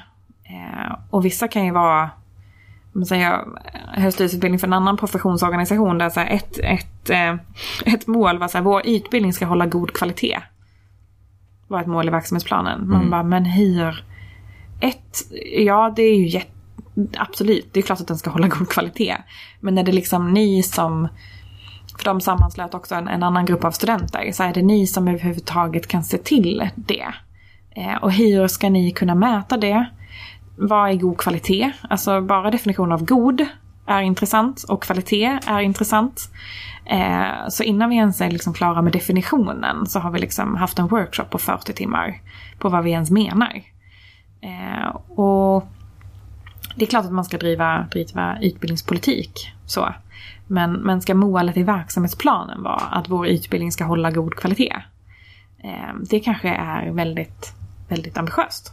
Eh, och väldigt luddigt och helt omätbart också. Men ibland så är det väl rimligt, eller finns det något, jag ställer frågan så här, finns det något tillfälle när det är rimligt att jobba med den typen av luddiga, mer visionära, liksom så här långt bort tankar som inte måste ner på detaljnivå konkretiseras genom att det ska vara 40 minuter och sen är det 10 minuters paus och det ska alltid finnas kaffe när det går på paus. Det är god utbildning. Liksom att, Ja. Jag tänker att många skulle må bra av att skilja på de två i olika nivåer. Antingen att man har ett mer... När jag satt eh, i styrelsen för Sak studentkår för några år sedan så, så fick jag den otacksamma eh, uppgiften i knät att skriva en strategi. Eh, man hade tagit ett, ett, styr, eller ett årsmötesbeslut på att man skulle skriva en. Eh, och sen när den väl kom upp till årsmötet så, så hade den inte den formen som medlemmarna hade förväntat sig. Så att den blev återremitterad. Eh, vilket också är ett, ett, ett roligt snack om mål i största allmänhet också. Att, så här, att så här, vi behöver en strategi. Ja men jättebra, då skriver vi den och sen så kommer man tillbaka med den och så säger man att det var inte det här vi hade tänkt oss. Eh, man kan också prata om beställningar från årsmötet. Att så här, vad menar vi när vi säger strategi? Eh, men jag fick i alla fall den i, den i knät att skriva någon slags långsiktig strategi på jag tror att vi landade i någon slags femårsperiod. Att på de här fem åren ska vi ja, men förflytta oss åt det här hållet, jobba med de här. Ja, men det, för oss landade det också i någon slags här värdeord som betydde någonting. Um, och sen så blev det lite Ja, men det blev lite konkreta aktiviteter men det blev framförallt de här luddiga målen, typ vår utbildning ska hålla god kvalitet. Inte riktigt så luddigt men, men rimligt nära det. Eh, så. Eh, och då, då blir det en annan då blir det ett annat sätt att mäta den strategin. Dels får den några år på sig att bli färdig. Eh, det här med att vår utbildning ska hålla god kvalitet kommer ju från en verksamhetsplan som var ett år lång. Eh, och då kan man ju lite fundera på så här, vilken period ska vi uppnå det här? Eh, det kan ju vara så att, att det här ska upp en nivå och finnas i så här, någon slags visionsdokument. Som så här, det här ska vi alltid uppnå. Men just i år ska vi göra en undersökning på de här fyra lärosätena om tillgången till kaffe mellan föreläsningarna eller hur långa de är eller vad det nu än är. Eller pedagogiska innovationer eller någon slags sikte som faktiskt går att bocka av. Mm. För målet med en verksamhetsplan som, som dokument är ju någon slags checklista i slutet av året. Att säga, det här vi har gjort, det är på något sätt medlemmarnas yttersta demokratiska påverkansmöjlighet att sätta målen. Att det här ska styrelsen jobba med och så förväntar vi att de gör det. Eh, men då måste vi också styra dem på det vi vill att de ska göra. Eh, och kanske inte på detaljnivå men kanske ändå liksom vara lite mer specifika. Eh, inte kanske så här skriva en strategi. För att då blir det liksom en stor diskussion om innehåll i formalia snarare än innehåll i så här, men vad... Att-satsen i den motionen skulle ju vara så att ni behöver jobba mycket mer strategiskt. Snälla lös det. Så. Mm. Att så här, på vilket sätt och i vilken form kanske inte är det som årsmötet i en nationell paraplyorganisation för andra paraplyorganisationer ska uttrycka sig. Så. Nej. I en lokal förening kanske det absolut är det som ska skrivas. Alltså vi behöver göra en budget på fyra år. Gör det liksom. Eh, Men det handlar ju också om vilken nivå man är på, på det årsmötet man är på. I bostadsrättsföreningen så pratar vi fönster och dörrar och tak och cykelställ och, och så av en naturlig anledning. Så. Men, men på, på eh, här, Sveriges ungdomsorganisationer på LSIs årsmöte så, så vore det ganska orimligt om man, om man låste styrelsen vid att här, exakt det här ska ni göra. Det blir nivåmässigt tokigt. Ja. Och då, Men också därför att alltså en av anledningarna till att det blir så är för att abstraktionsnivån är så pass mycket större. Därför att det finns så otroligt mycket färre saker som är självklara och naturliga. Eh, i, alltså ju högre upp i nivåerna du kommer organisationsmässigt. Därför att det är så otroligt, man kommer från så otroligt olika håll. På ett annat sätt än vad man gör i en bostadsrättsförening när man pratar med cykelställ. Då har alla samma relation till, eller mycket närmare relation i alla fall. Till, jag har varit ordförande för en bostadsrättsförening också. Det, Ja. det finns lite olika ingångar även i cykelställsfrågan. Jo, nej, jag, jag blev, eh, blev det själv för första gången också nu i våras. Oh. Hemma i min bostadsrättsförening. Så det, det, det är ett spännande, spä, lite annan logik och, eh, men jättespännande. Ja, alla, alla med förtroendeuppdrag i ideella sektorn måste, om de äger en bostadsrätt, så bara måste de ta sig in i de föreningarna. För de behöver, de behöver hjälp att bli föreningar. Ja, men det, för mig var det självklart. Ja, härligt. Eh, men, men jag tänker här nu lite grann som avrundning. Jag tyckte att du, du uttryckte det så fint när vi mejlade fram och tillbaka. Så jag tänkte bara läsa upp det. Liksom Ja. som var ingången Oj, som. Ja. eh, som gjorde att jag liksom fastnade. Men det här måste vi verkligen prata om. Och så ser vi om det är någonting som har missats så blir det Ja. som någon slags avrundning. Och det du skrev var då att men jag vill prata om alla dessa värdelösa mål som ideell sektor ägnar sig åt. Målstyrning har blivit hett men få lyckas och få borde ens hålla på. Kärnverksamheten har en tendens att inte målsättas och hamna i skymundan. Och sen är det så himla många mål också som är orealistiska att de skapar ett fokus på fel saker och organisationen har en tendens att bränna ut sin förtroendevalda på kuppen. Och sen så når man inte mål och sen om man väl når målet så ger det ingen effekt för man har inte funderat kring vilken effekt man vill ha. Ja. Eh, och det är väldigt mycket av det här har vi ju redan liksom varit runt och snurrat. Men är det någonting som, som saknas utifrån den ingången? Som men var jag- ganska skarp. ja. och, jag, tyckte om den. det, det blir ofta ganska skarpt. Så. Men, men, men det svåra är ju egentligen att fundera på vilken effekt det ska ge. Så. Eh, när jag satt i styrelsen för, för Sveriges elevkår så tog vi ganska många jag upplevde att vi, vi låg väldigt långt fram i att våga sätta mål och att både sätta mål men också sätta, vad ska man säga, ja men det här tror vi är indikatorer på att målen uppnås. Att så här, om målet är att så här, fler ska vara, nu kommer jag inte ens ihåg dem, men så här, fler ska vara sjukt pepp på att sitta i en elevkår. Ja, men så här, vad skulle kunna vara en indikator på det? Ja, men så antalet medlemmar är ju en indikator på att fler tycker att det är pepp och engagera sig i elevkåren. Eh, att, att fler kommer på våra nationella event skulle också kunna vara en indikator på att, att det är det här som ska uppnås. Men vi var väldigt tydliga med att visst, det finns ett egenvärde i antalet enskilda medlemmar för att det driver ändå pengarna i organisationen och de är inte helt oviktiga. Men det finns inget egenvärde i den enskilda liksom, pinnen i statistiken. Utan det, den indikatorn driver målet om medlemsnöjdhet ute på skolorna. Att vi får fler elevkårer, att fler ser det engagemanget som det självklara är under sin gymnasietid. Eh, och det är bra för oss. Eh, Men, men är det någonting som ni definierade redan på plats? Eller alltså och öppet och externt eller mer internt? Framförallt, ja, frågan är var gränsen går mellan externt och internt. Om jag tänker i Eh, den och- verkställande organisationen. I- Säger jag internt då. Precis, och det gjordes ju ett, ett jobb framförallt med personalen kring, kring de frågorna, absolut. Eh, och sen var det ju styrelsen som till slut liksom fastställde. Så här, de här målen har vi, de här indikatorerna har vi. Eh, och då i det arbetet så var ju personalen ovärderliga och framförallt chefsledet. Eh, Sveriges elevkårer har ju ganska många anställda. Vi var väl ungefär ja, mellan 25 och 30 då.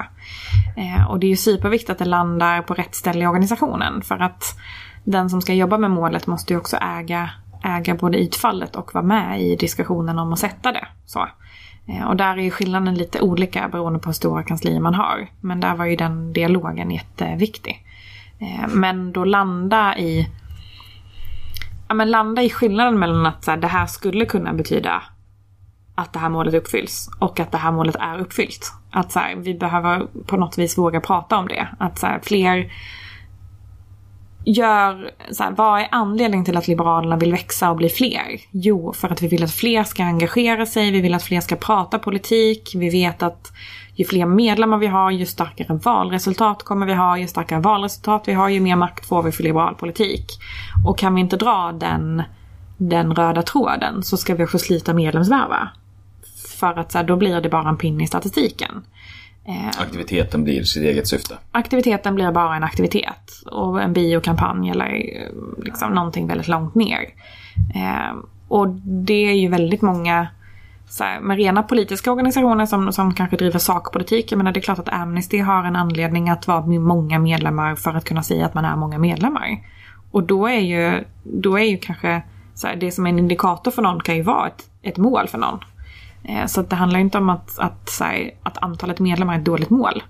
Men, men Men det handlar väl hela tiden, alltså om man ska koka ner det till någon slags generell princip så handlar väl det egentligen om att ställa frågan varför. ja, absolut. Oftare. Och i typ alla sammanhang. Eh, och det kan ju till och med vara så att man behöver utse någon som, som tar det på sig. Eh, för det är en sån sak man, eller som jag ofta möter med nya medlemmar i alla sammanhang. Eller nya medarbetare på jobbet eller ja, egentligen alla så nya människor i nya sammanhang. Att så här, det finns en så golden opportunity i början. Att så här, men snälla samla på dig saker som du tycker vi gör som är jättekonstiga. eh, men det, det fönstret stängs ju jättesnabbt. Eh, jag märker ju själv, så här, jag, det här blir mitt tredje år i, i styrelsen för Liberalerna i Sundbyberg. Jag märker ju redan nu hur jag bara så här, nej men oj det där, nej men vet du, det, nej det där är en helig ko liksom. Mm. Och jag kan ju bli så förbannad på mig själv när jag sitter på tunnelbanan hem och bara, men vad i helvete? Det är precis den rosa elefanten vi behöver, vi behöver vända på. Eh, det är bara det att jag vet hur jäkla jobbig den kommer vara. Eh, men det är supertrevligt att någon ser den. För att jag såg den också i början. Det är bara det att till slut så smälter den liksom in i väggen. Eh, och det handlar ju om att hitta ett, ett systematiskt sätt att ställa sig frågan varför. För att den kommer inte jättenaturligt. När man hamnar på nationell nivå, men ta, ta sak och studentråd, men då har man ju oftast varit engagerad på sitt lärosäte och sen har man suttit i sin liksom, studentsektion för, för JUSEK eller civilekonomerna eller SSR i ett år och sen så har man liksom till slut hamnat på liksom, top of eh, av hierarkin. Eh, och då är man ju redan, man är ju redan så tumlad i så här brukar vi göra, det här gör den här federationen, det här gör den inte. Eh, så då behöver man hitta ett systematiskt sätt att ställa sig frågan varför. För att det kommer inte naturligt för väldigt många. Ehm, Nej, och sen så är det ju väldigt, eh, väldigt viktigt också att reflektera över alltså vilken organisationskultur man faktiskt har och vad som händer när någon ställer frågan varför. absolut. Därför att i vissa sammanhang så kommer det generera att någon känner sig personligt påhoppad och i andra sammanhang så kommer det att generera en applåd. Absolut. Och det blir också väldigt eh, spännande hur, hur dynamiska eller hur icke-dynamiska föreningar är på bara en sån enkel liksom, liten detalj. Superenkelt. Det ställer ju väldigt mycket krav på framförallt på en ordförande i en, i en förening att, att på något vis kunna, kunna hantera den. Att rent, rent fysiskt agera på ett sätt. För det är också, eh, så här, jag har bytt, eh, bytt chef på jobbet. Det, det är nästan som att få nytt jobb. Eh, för sen nu kommer, kommer hon in med så här, vi, ska, vi jobbar väldigt, väldigt tätt ihop, vi är två på HR så att vi måste ju teama väldigt, väldigt tight. Um, och nu kommer hon in och bara så här, nej men gud varför gör ni inte så här? Och, och en del av mig är ju så här, ja men det kan ju vara en helt fantastisk idé. Men det är så här, jag kanske drev den för så här fem år sedan när jag var nyanställd. Men det är så här, den föll inte så god jord. Så att samtidigt som så här, en del av mig är så här, men gud fantastiskt, nu blir det äntligen gjort. Så är ju också en del av mig så här, men det var ju farao då. Att här kommer någon ny människa från sidan och kommer med någon briljant idé som jag redan har kommit med. Och då gick den inte igenom. Men det finns ju också ett visst mått av så här, men nu har jag gjort det här ett tag och det funkar ju, kan vi inte bara vara nöjda? Precis, exakt. Jag kan ju tycka att någonting var en bra idé för fem år sedan men kommit fram till att nej, men det här var ju ändå ett ganska bra koncept. så. För att det var enkelt eller för att det var liksom så. Eh, Eller för att man har vant sig. eller för att man har vant sig. Så. Och det är ju fantastiskt så här, när man när man också får mejl, det är också det som är skillnaden när man jobbar med rekrytering till, till ett bolag där man själv jobbar och att jobba som rekryteringskonsult som jag också har gjort. Då får man också se de här nya människorna i, i verksamheten sen. Eh, och det är ju helt fantastiskt när det kommer någon ny och bara så här vänder upp och ner på någonting och bara så här, men det här, herregud, det, det så kan vi inte göra. Eh, och det är ju helt magiskt roligt så. Men, men jag tror ju också att, att jobba med, både att jobba med liksom att identifiera sin kultur, men också så systematiskt jobba med så här, men hur jobbar vi med förändring och hur rustar vi folk för förändring? Att så här, ungdomsorganisationerna, det ser ju inte riktigt ut som att någon tänker lägga några pengar på, på den statsbudgeten. Och nu blev det fler medlemsorganisationer och fler medlemmar igen. Eh, då måste vi på något sätt rusta våra organisationer för att tackla det. Mm. Eh, och det gör jäkligt ont. Eh, det betyder att vi kanske måste slita med kärnverksamhet. Eller så måste vi hitta in andra finansieringskällor. Ehm, och att, att prata liksom förändringskompetens, för det kommer inte, inte liksom naturligt. Ehm, vissa av oss tycker att det är liksom det roligaste som finns. Men den stora massan blir ju bara skiträdd. Ehm, även om man är ung. Så. Det finns ju ett visst... Det finns ju en större, större andel unga som tycker att det är roligt. Men, men även där, så liksom, man är trygg i den organisation man är. Man kanske har varit aktiv i sitt så här, politiska ungdomsförbund sedan man var 13. Eh, att så här, plötsligt göra någonting annat eh, är jättesvårt. Liksom. Man har kanske vant sig vid att sättet vi löser jämställdhet är att vi har varvade listor. Eh, och sen kommer någon och säger att nej men oj hoppsan, det blev det här resultatet. Eh, ja, men så här, jag kanske har slagits för varvade listor tio år innan det ens blev varvade listor. Så att det är liksom min bebis. Mm, men samtidigt så måste man, det, det, det är ju otroligt viktigt sen också att hitta den ödmjukheten liksom inför, alltså, oavsett hur mycket tid man lagt på någonting. Om man inser att eh, okej okay, men nu när vi har provat i praktiken så funkar det inte och det uppnår inte det vi, vi ville. Då måste man mm. göra någonting annat. Men det gör ju förbannat ont. Absolut.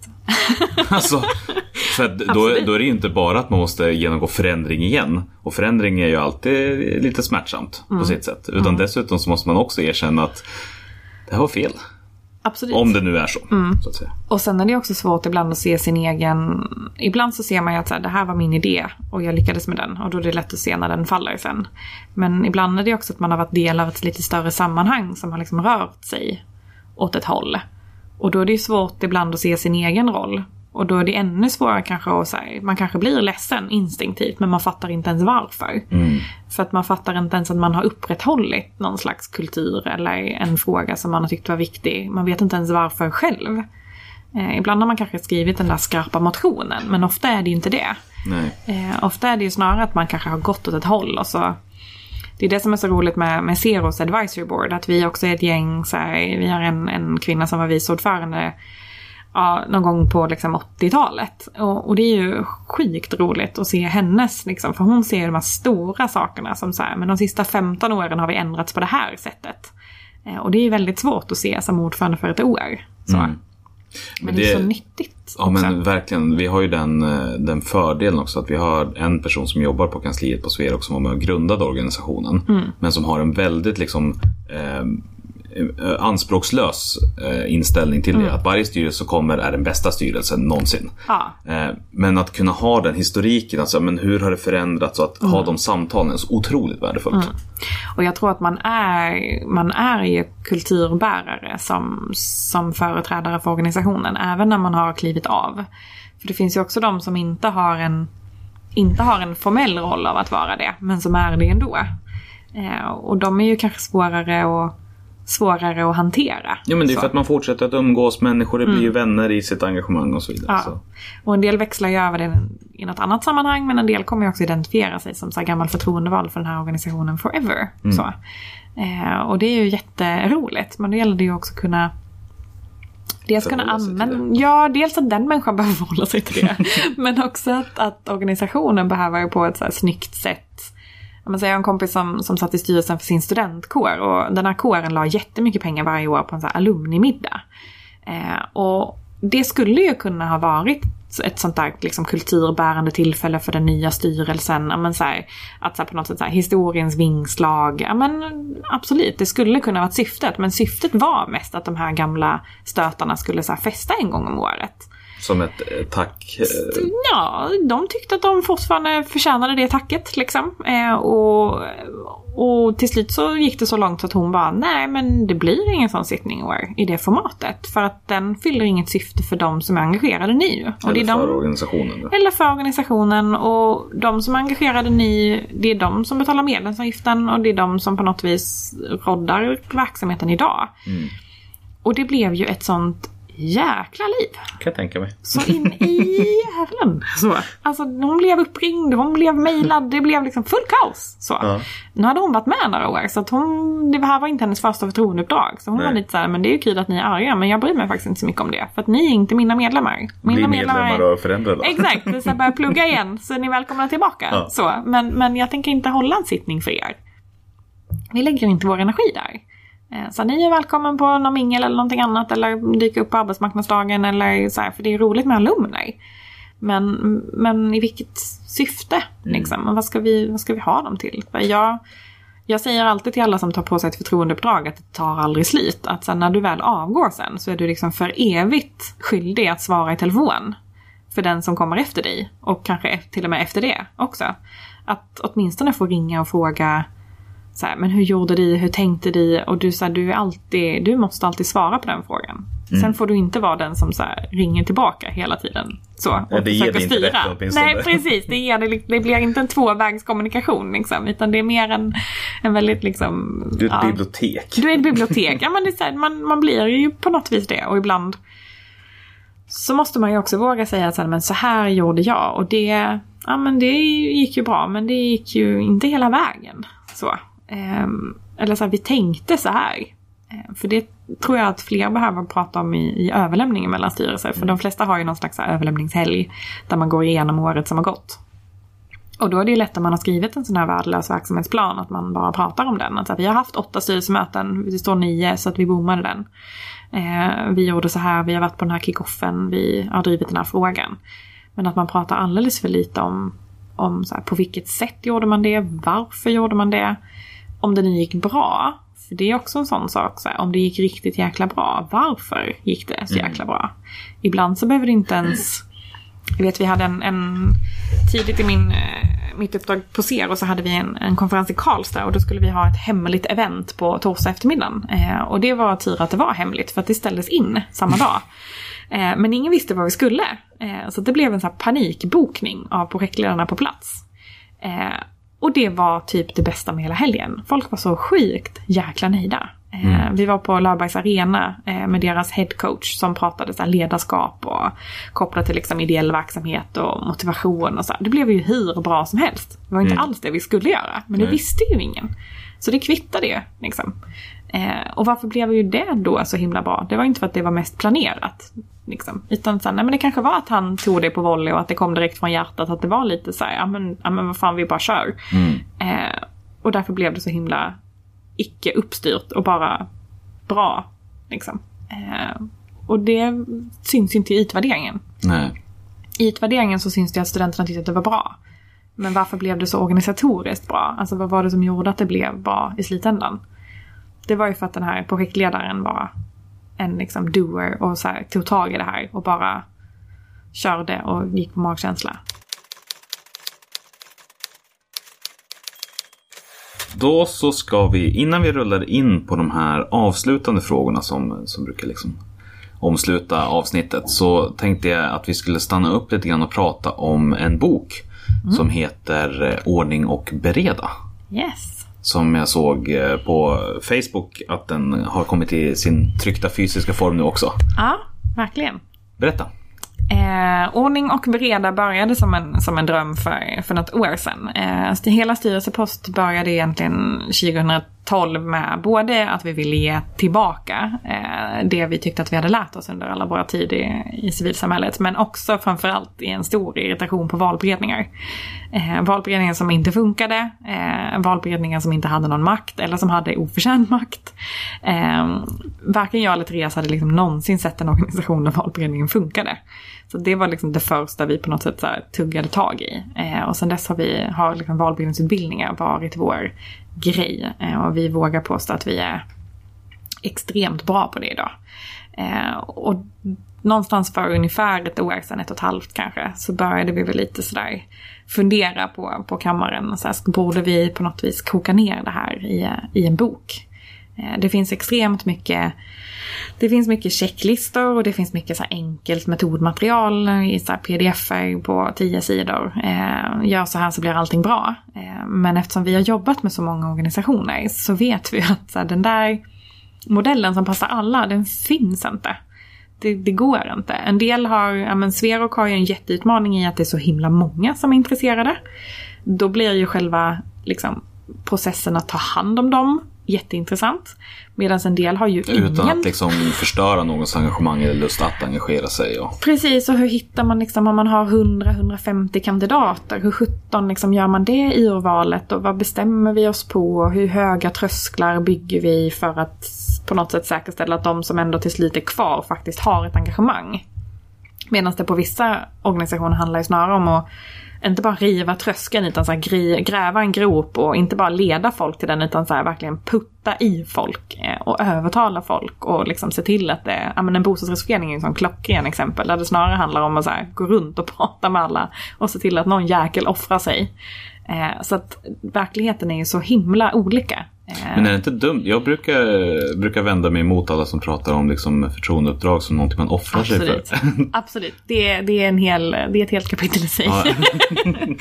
men, men, men i alla fall metodmässigt så, så behöver man som valberedning på något sätt förhålla sig mellan skalan att, att här, kandidaterna trillar in och de är jättemånga till att här, kandidaterna trillar inte alls in. Ja precis, finns lusten eller måste jag väcka lusten? Precis, och på vilket sätt. Och även om lusten finns så kanske lusten finns hos fel personer. Så att bara för att man har 150 kandidater så behöver inte det betyda att, att det är bra. Eh, för det kan ju vara 150 fel kandidater och man når inte alls de som, som borde vilja nås. Eh, så det är lite, lite olika på hur man, hur man vänder på den frågan. Eh, och därav att boken också är lite längre mm. Eh, än det här metodmaterialet som, som finns. Eh, och att den kanske har en lite så ny och fräsch syn på ja, men saker som tillgänglighet och mångfald och att så här, vi, civilsamhället har kommit långt men, men det finns fortfarande steg att ta. Eh, bara en sån sak som hur man utformar den här processen gör att man stänger vissa ute. Eh, och det är inte... Jag möter ju väldigt sällan de organisationer som tycker att de har alldeles för många bra, grymma förtroendevalda att välja på. Eh, det är snarare att man inte lyckas locka till engagemanget eller att man inte lyckas beskriva uppdraget man faktiskt på något vis ändå rekryterar till. För man är ju föreningens HR-avdelning i någon bemärkelse. Att man behöver ju på något vis se, se medlemmar för det engagemanget de har och pussla in dem på, på rätt ställe på något vis. Alla ska inte sitta i den nationella styrelsen för att man har suttit i distriktsstyrelsen. Eh, och alla som är engagerade lokalt kanske inte ska vara det utan de kanske ska sitta i riksföreningens styrelse. Mm. Eh, så för att det kanske handlar om olika drivkrafter och olika sätt att se på sitt engagemang och olika delar av verksamheten som är olika intressant. Eh, är man så här politisk strateg så kommer liksom en liten snutteförening ute i, i Värmlands skogar inte var intressant. Men riksföreningen som Det kan till och med vara destruktivt för båda parter. Precis, för man får en, en, en styrelsemedlem lokalt i en lokalförening med hundra medlemmar som så här, vill skriva planer och strategier och som inte alls ger någon output för den. Eh, men som, som kan ge jättemycket output på, på riksnivå. Mm. Eh, så det är väl någonstans där vi landade. Eh, och sen, sen ungefär ett år så, så jobbar en eh, kvinna som heter Josefin Kvarfort för oss. Eh, så det är hon och jag som har skrivit boken tillsammans. Eh, vi är personalvetare båda två i botten men med lång erfarenhet i ideell sektor. Så att vi har på något sätt försökt använda båda, båda delarna av hivet och koka ner på något sätt de bästa, de bästa tipsen. Eh, I i både checklisteform, för det finns lite checklistor och lite frågor och, som man kan liksom bocka av också. Eh, men det finns också lite längre texter om så här, vad menar vi med kompetens till exempel. Mm. För det är ett sånt ord som folk slänger sig med. Eh, men vad, vad är det och hur kan man se på det och hur kan man säkerställa det? Eh, för att jobba professionellare. För valberedningarna är superviktiga. Men jag tycker att det är också så tydligt sista tiden i vi har ju flera pågående partiledardiskussioner eh, på, på nationell nivå. Eh, I alla partier nästan höll jag på sig. Men även om man, nu valde man ju om Annie Lööf i helgen så det var kanske ingen jättediskussion. Men, men det föregås ju ändå av någon slags beredning. Eh, och där tycker jag väl kanske att valberedningarna behöver ta ett större ansvar för hur man ser på, på sin roll i organisationer. Eh, inte bara i partipolitiken men även i, i andra organisationer. Ja, men det är jättespännande. Jag ser, ser fram emot att, eh, att läsa den själv. Jag har redan beställt den så jag Härligt. väntar bara på att den ska komma. Gött.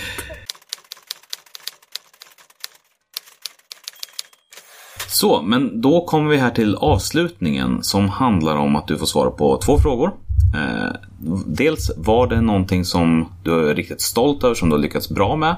Eh, och sen också någonstans där du misslyckades, men framförallt vad du lärde dig utav det. Du väljer själv vilken ordning du tar dem i. Oj, vi börjar med det som gick bra tror jag. Nej, men för att knyta an till, till mål kanske så jag är ändå stolt över att vi året med, med SAK studentråd ändå lyckades skriva den där förbaskade strategin. Även om ingen riktigt... Det var lite som, som Messias i organisationen. Att alla, alla ville ha den men ingen visste riktigt hur den såg ut eh, och vad vi skulle ha den till. Eh, men vi gjorde ett ganska gediget arbete där vi involverade framförallt medlemsorganisationernas förtroendevalda i hur hur de såg på organisationen idag, vad de såg för styrkor och svagheter och, och utmaningar på sikt. Eh, men det gjorde också att styrelsen på något vis samlades i att det här är faktiskt på något vis den gemensamma sanningen just nu. Eh, och det blev, dels blev det ett dokument eh, och det, är ju, ja, det var väl kanske målet i sig, det var ju det vi, vi mättes på. Eh, men framförallt så skapades det också ett internt dokument för styrelsen att använda. Eh, för vi landade i att ska vi vara strategiska och verkligen driva strategiska frågor så behöver vi också kunna vara väldigt explicita i, i både utmaningar men också hot. Eh, så att det finns också ett dokument som är för, för styrelsens ögon bara. Eh, för att det är inte rimligt att, att ha eh, alla dokument i, i transparent form på, på hemsidan eh, när man driver politik. Eh, för rena åsikter ska man ju givetvis basunera ut så mycket som möjligt men, men hur man ser på olika politiska företrädare och, och eh, möjlighet att påverka eh, både internt inom, inom Saco-federationen och, och externt gentemot andra fackförbund och sådär. Det gör man också bäst i att, att hålla för sig själv till, till viss del. Jo, jo, men det, där riskerar du att landa liksom i någonting som är kränkande för en enskild person. Liksom. Ja, absolut. Eh, nu hoppade vi just personer men det blev ändå väldigt tydligt vad, vad, som, vad som åsyftas. Eh, Jo, men så- även en organisation. Ja, alltså att det, Absolut, det blev, en, en, det blev ändå två pragmatiska dokument. Eh, sen, sen var det väl ett, ett eh, eller det var ju att lyckas att få det på plats. Det gick igenom med en enda röst, eh, övervägande för ja. så att det var inte så att det var en dans på rosor. Eh, men jag tror att det är då jag tror att när det blåser som, som, som mest så kommer jag som mest till min rätt också. Så att det var, en, det var en, en seger på något vis, att vi ändå landade i någonting. Eh, sen, sen har jag väl också så här, men i efterhand när man är i det så är, så är det ju en sak. Men, men lyckas, vi lyckades i alla fall enas i vissa, vissa strategiska avvägningar. Så att det här hållet ska vi. Eh, Och det handlade också väldigt mycket om kärnverksamheten. Det handlade inte om att sätta några nya positioner utan det handlade om att sätta ord på att till exempel att, att eftersom man är en nationell paraplyorganisation över andra nationella organisationer så handlar det också om att säga men vad, vad kan vi som nationell paraplyorganisation vara för bra medlemsforum för de här nationella engagerade. Och det var en sån grej som vi var väldigt bra på. Men vi satte mål på det och vi vågade skriva att det också var en del av vårt syfte. Eh, Att det inte bara handlar om att driva socialförsäkringspolitik för studenter. Det är skitviktigt men om vi inte lyckas få utväxling på engagemanget så, så är det skitsamma för då kommer vi inte dit ja, på, ja, precis. För lobbying sker genom att intelligenta människor gör saker så. Och, och gör de inte det så, så händer det inte. Eh, och är man helt ideellt engagerad så, så behöver man jobba väldigt mycket med morot. Eh, och då behöver man satsa mycket på att skapa plattformar för, för deras engagemang att växa. Eh, och sen dess har de också haft, det, året efter att den sattes så, så gjorde man också ett ledarskapsprogram på nationell nivå för ledande förtroendevalda inom, eh, inom organisationerna som, som Saco består av. Eh, och det känns som en, kanske inte en, en rakt av direkt effekt, men jag hoppas att det var en del av, av den processen. Att man faktiskt såg det. Eh, Spännande. Och någon gång när det inte gick riktigt lika bra då? Alltså jag är en sån här fruktansvärt obotlig optimist som folk verkligen hatar i de flesta sammanhang. Så att jag tror inte att jag har något så här klockrent fantastiskt exempel. Jag önskar att jag hade det. Eh, jag misslyckas ju hela tiden eh, med små saker. Men jag har en tendens att inte komma ihåg dem så himla bra. Men någonting jag kan se nu att, att liksom eh, att Zero gör, som jag är extremt stolt alumn efter. Jag, vi hade en, på min tid en, en utbildningskonferens som heter Den framtida civilekonomen som, som syftade till att samla nationella beslutsfattare eh, som hade någonting med ekonomprogrammet att göra. Eh, och studenter som, som driver utbildningspolitiska frågor. Eh, vi gjorde redan under min tid en satsning mer på, på studenterna snarare än beslutsfattarna som var där. Men, men den sista konferensen jag rev av var inte, alltså på tal om deltagarantal och innehåll och innehållet var jättebra men den lyckades liksom inte attrahera folk. Eh, och vi funderade ju länge och väl på så här, men är det här den firade någon slags tioårsjubileum tror jag och, och så här, men är det här verkligen någonting vi ska göra? Men vi vågade inte dra plåstret. Eh, och det kan jag ångra. Eh, för nu drar de det i höst. Det blir inte av i år. Och jag kan vara så otroligt glad för det. Att så här, nu har det på något sätt så malts några generationer till och nu, nu åker den liksom. Nu, nu försvinner den äntligen. Så. Vissa saker måste ju få mogna också. Alltså det, Ja, vissa kräver liksom för mycket i den stunden för att det ska vara möjligt att genomföra. Absolut, absolut. Och där handlade det väl mer om att det fanns liksom, vad ska man kalla dem för, ja, stakeholders eller folk som fanns i kulisserna som var, som var tillräckligt starka för att jag inte skulle jag är egentligen oftast inte den som backar. Men, men i det läget så, så okej, men jag får väl tugga i med det här då. Det här är någonting vi alltid har gjort, vi gör det här. Och det finns ju alltid en avvägning mellan investerad energi och förväntad, liksom, förväntat resultat. Precis, och då valde jag någon annan strid. Att så här, men då gör vi den här så bra den bara kan bli. Och den var, båda, jag satt ju två år och båda två var bra innehållsmässigt och liksom talarna vi fick dit var jättebra. Men så här, den, den lyckades bara inte attrahera. Det var lite som den där sista kräftskivan med liksom de närmast sörjande. Och det var jättebra för de som var där och det skulle i sig kunna varit ett mål i sig. Men, men den, den kostade för mycket i både tid och energi eh, för att ge den outputen som den gav. Eh, så att jag är väldigt glad att de, att de vågar. Så. Eh, men det kanske behövde mogna. Men jag är förvånad över mig själv att jag inte drog den eh, i efterhand. Men har du agerat liknande i någon annan situation där du har liksom ställts inför typ samma problem? Jag tror att jag blir försiktigare med åren.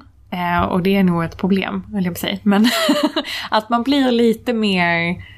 Man blir lite mer medveten om de här rosa elefanterna i rummet. Eh, och det är skitjobbigt att inse att man blir det. Så här, jag är 31 och ett halvt. Eh, så att jag känner mig väldigt vuxen. Liksom. Och det är också ibland ett hinder. Så här, jag märker ju att jag tänker ju jag tänker ju lite oftare på konsekvenserna, vilket är bra på ett sätt. Men ibland i viss verksamhet så behöver man ju också bara säga, nej men nu, nu tror jag på någonting, nu får vi fan bara göra det. Eh, sen kräver det kanske lite mer spel. Så här, nu är ju mitt främsta ideella engagemang nu är ju inom politiken. Och då går det inte bara att göra saker, utan då måste man vara väldigt medveten om vilket resultat man vill se och hur man tar sig dit. Eh, studentrörelsen är ju väldigt mycket mer pragmatisk. Eh, och där är det ju lite färre som spelar för att man hinner inte vara med så länge. Så att man hinner liksom inte skaffa sig sina allianser och, och så. Eh, men i partipolitiken så är det ju år av engagemang och investerade relationer och ett spel som pågår hela tiden. Eh, så att till viss del så är det väl just i mitt ideella engagemang idag en bra grej att jag på något vis har chillat lite. Men, men en del av mig är ju egentligen fortfarande ganska snabb med att säga att nej, det där gör vi inte om. Eller det borde vi aldrig göra. Nej, men å andra sidan så krävs det ju en mångfald av människor och det kommer ju även behövas de försiktiga i framtiden med. Absolut. Jag tror inte att jag någonsin kommer vara, den försiktiga, men jag kanske Okej. drar åt det hållet. Men relativt sett försiktig då. Precis, relativt jämfört med Anna 15 så, så har det hänt en del så, eh, på gott och ont. Eh, Men eh, jag hade en, en gammal chef på, på Sveriges elevkår som var ordförande under min tid som, som tjänsteman som heter Eva Thalén. Som alltid var väldigt noga med att säga att det är skillnad på att göra saker bra och att göra bra saker. Eh, och den tar jag alltid med mig. Alltså, det är skillnad på att på något sätt säga köpa konceptet att det här brukar vi göra så vi gör det lite bättre. Än att så här, våga faktiskt lyfta på att så här, det här har vi visserligen alltid gjort men det, vi måste slita med det. Eh, en sån sak som att, så här, nu ligger vi ju i fas att börja driva valrörelse. Att så här, vi kommer vinna valet i år digitalt. Det finns, eller nästa år. Det finns liksom inget snack om saken. Vi kan inte lägga pengar på tv-reklam eller ens kanske skyltar på stan. Så. Alltså det, det är inte så man gör. Eh, och då måste man dra rycka några plåster. Eh, och då är ju frågan vad är om kärnverksamheten är kommunikation. Hur når vi det på bästa sätt? Eh, och inte bara fila på koncept vi redan har kommit på. Eh, Och göra dem lite bättre. Eh, nu har ju vi byggt både logga och grafisk profil sedan dess. Det är lätt att bara uppdatera gammalt material med, med rätt formspråk. Eh, och tro att budskapen funkar. Eh, men, men det räcker inte. Nej. Eh, och Ja, men det är lite grann som alltid- skillnaden, alltså just det här med att göra rätt och de bitarna som att... Nej, förlåt. Men det är precis alltså det här med att göra bra saker eller Att göra saker bra. göra saker bra. Det som också knyter an väldigt mycket är ju skillnaden mellan att ha rätt och att sen faktiskt få rätt. Absolut. Och det är ju, skulle jag säga, politikens liksom största problem. Så att så här, nej, men vi tycker så här, så bara, fast det är ingen som uppfattar att vi gör det. Så att det är ju skitsamma, tyvärr. Så. Att så här, någon har, något politiskt parti eller någon företrädare har en fråga som säger vi kommer alltid förknippas som skolpolitiker. Punkt i Liberalerna. För att så här, det är, det är liksom Björklunds varumärke. Så att så här, antingen så använder vi det eller så använder vi det inte om vi försöker liksom positionera honom i miljöpolitik så kommer det ta väldigt mycket energi. Det kanske är värt det, absolut. Ibland ska man ju också göra det som folk inte förväntar sig. Men, men det tar energi. Så. Men där kan det ju vara lättare att gå till valberedningen och säga att hej, vi skulle vilja byta till en eh, miljöinriktning istället. Precis. Så det måste ju gå i takt hela, hela vägen. Så. Mm. Ehm, Men det är ju... Kommunikation är alltid spännande för det handlar ju inte om vad du vill sända, det handlar ju om hur folk tar emot det. Ehm, Och där är ju valberedningarna också jätteviktiga spelare eh, i våra ideella organisationer. När det gäller att beskriva vad är det du blev vald till Mm. Eh, och vad gör den här organisationen. Eh, Och då måste du ha på något sätt det klart för dig. Så är det. Tack så jättemycket till dig Anna för att du kom hit och delade med dig. Tack själv. Eh, och också förstås tack till dig som har lyssnat. Eh, och jag vill också nämna så här i slutet att jag håller på att arbeta med de olika nomineringarna som kom in till eh, den osynliga formalians hyllande. Eh, och förhoppningsvis så kommer det då resultera i att det inom kort börjar delas ut priser. Däremot så kan den här ursprungliga tidsplanen eventuellt bli lite försenad eftersom att jag just nu har väldigt mycket att göra både på jobbet och i andra ideella engagemang. Men det kommer att ske. Och det har varit otroligt spännande att läsa alla de nomineringar som har regnat in. Men hör av dig så hörs vi igen om två veckor. Och återigen, jättestort tack till dig Anna. Sverige är ett land som är byggt utav folkrörelser. Och vi vill lyfta fram de unga kandidaterna till styrelsen Om en grupp av människor har en gemensam intresse, då kan de bilda en förening. Det är en gryende folkrörelse.